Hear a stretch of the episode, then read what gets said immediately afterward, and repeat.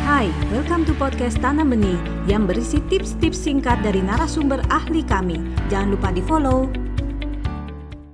Ini kan sebetulnya dengan kita memikirkan apa sih yang harus kita lakukan.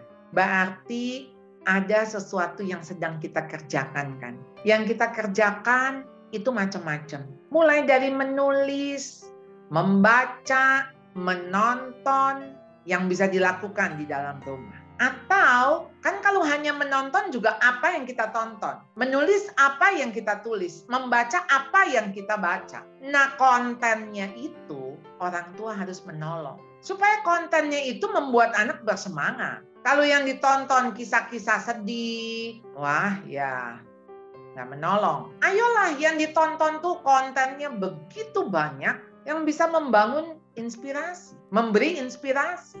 Coba misalnya yang ditonton apa? Oh, saya suka masak-masakan. Anak yang suka makan, ya biasanya dia akan tertarik dengan dunia kuliner. Namanya juga suka makan. Nah, sekarang ditantang bagaimana kamu membuat makanan yang kamu suka. Kamu create, di-upload ya.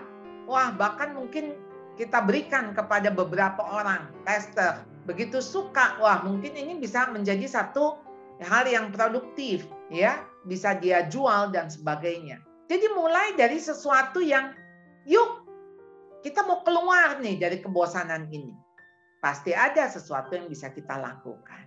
Nulis jurnal, mungkin jurnal harian tentang perasaan. Dia bisa membuat satu buku yang judulnya My Life is Sucks. Dia menceritakan bagaimana apa yang dirasakan ini dituangkan Nah, begitu anak muda atau remaja-remaja lain melihat judul ini, mungkin dia akan mengatakan, "Oh, ini perkataan saya, ini kalimat saya. Saya mau lihat apa sih yang terjadi dari hidup yang membosankan ini menjadi sesuatu yang meaningful." Jadi orang tua di sini cobalah untuk menggali potensi-potensi anak, untuk memberikan alternatif, kemungkinan, kegiatan-kegiatan yang bisa dilakukan yang asik karena kalau nggak asik, pasti boring.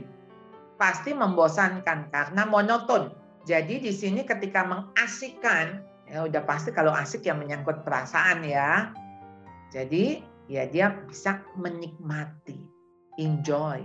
Jadi nggak penting nih, misalnya dia coba masakan, ternyata angus, nggak usah dimarahin.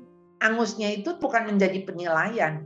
Wong namanya yang kita mau adalah kegiatannya kok jadi kegiatan itu sendiri sudah membawa meaning kan. Misalnya dia buat kue, eh ternyata bantet. Nggak ngembang, nggak apa-apa.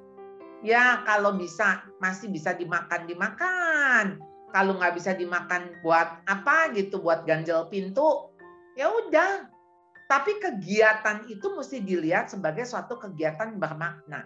Bagaimana bisa buat kue langsung jadi tanpa yang gagal-gagal itu? Pasti ada proses gagal. Dan harusnya ketika gagal itu bagaimana anak dibangkitkan semangat untuk mencoba lagi.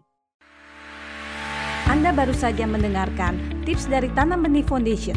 Mari bersama-sama kita terus belajar untuk menjadi orang tua yang lebih baik demi generasi yang lebih baik. Jangan lupa follow podcast kami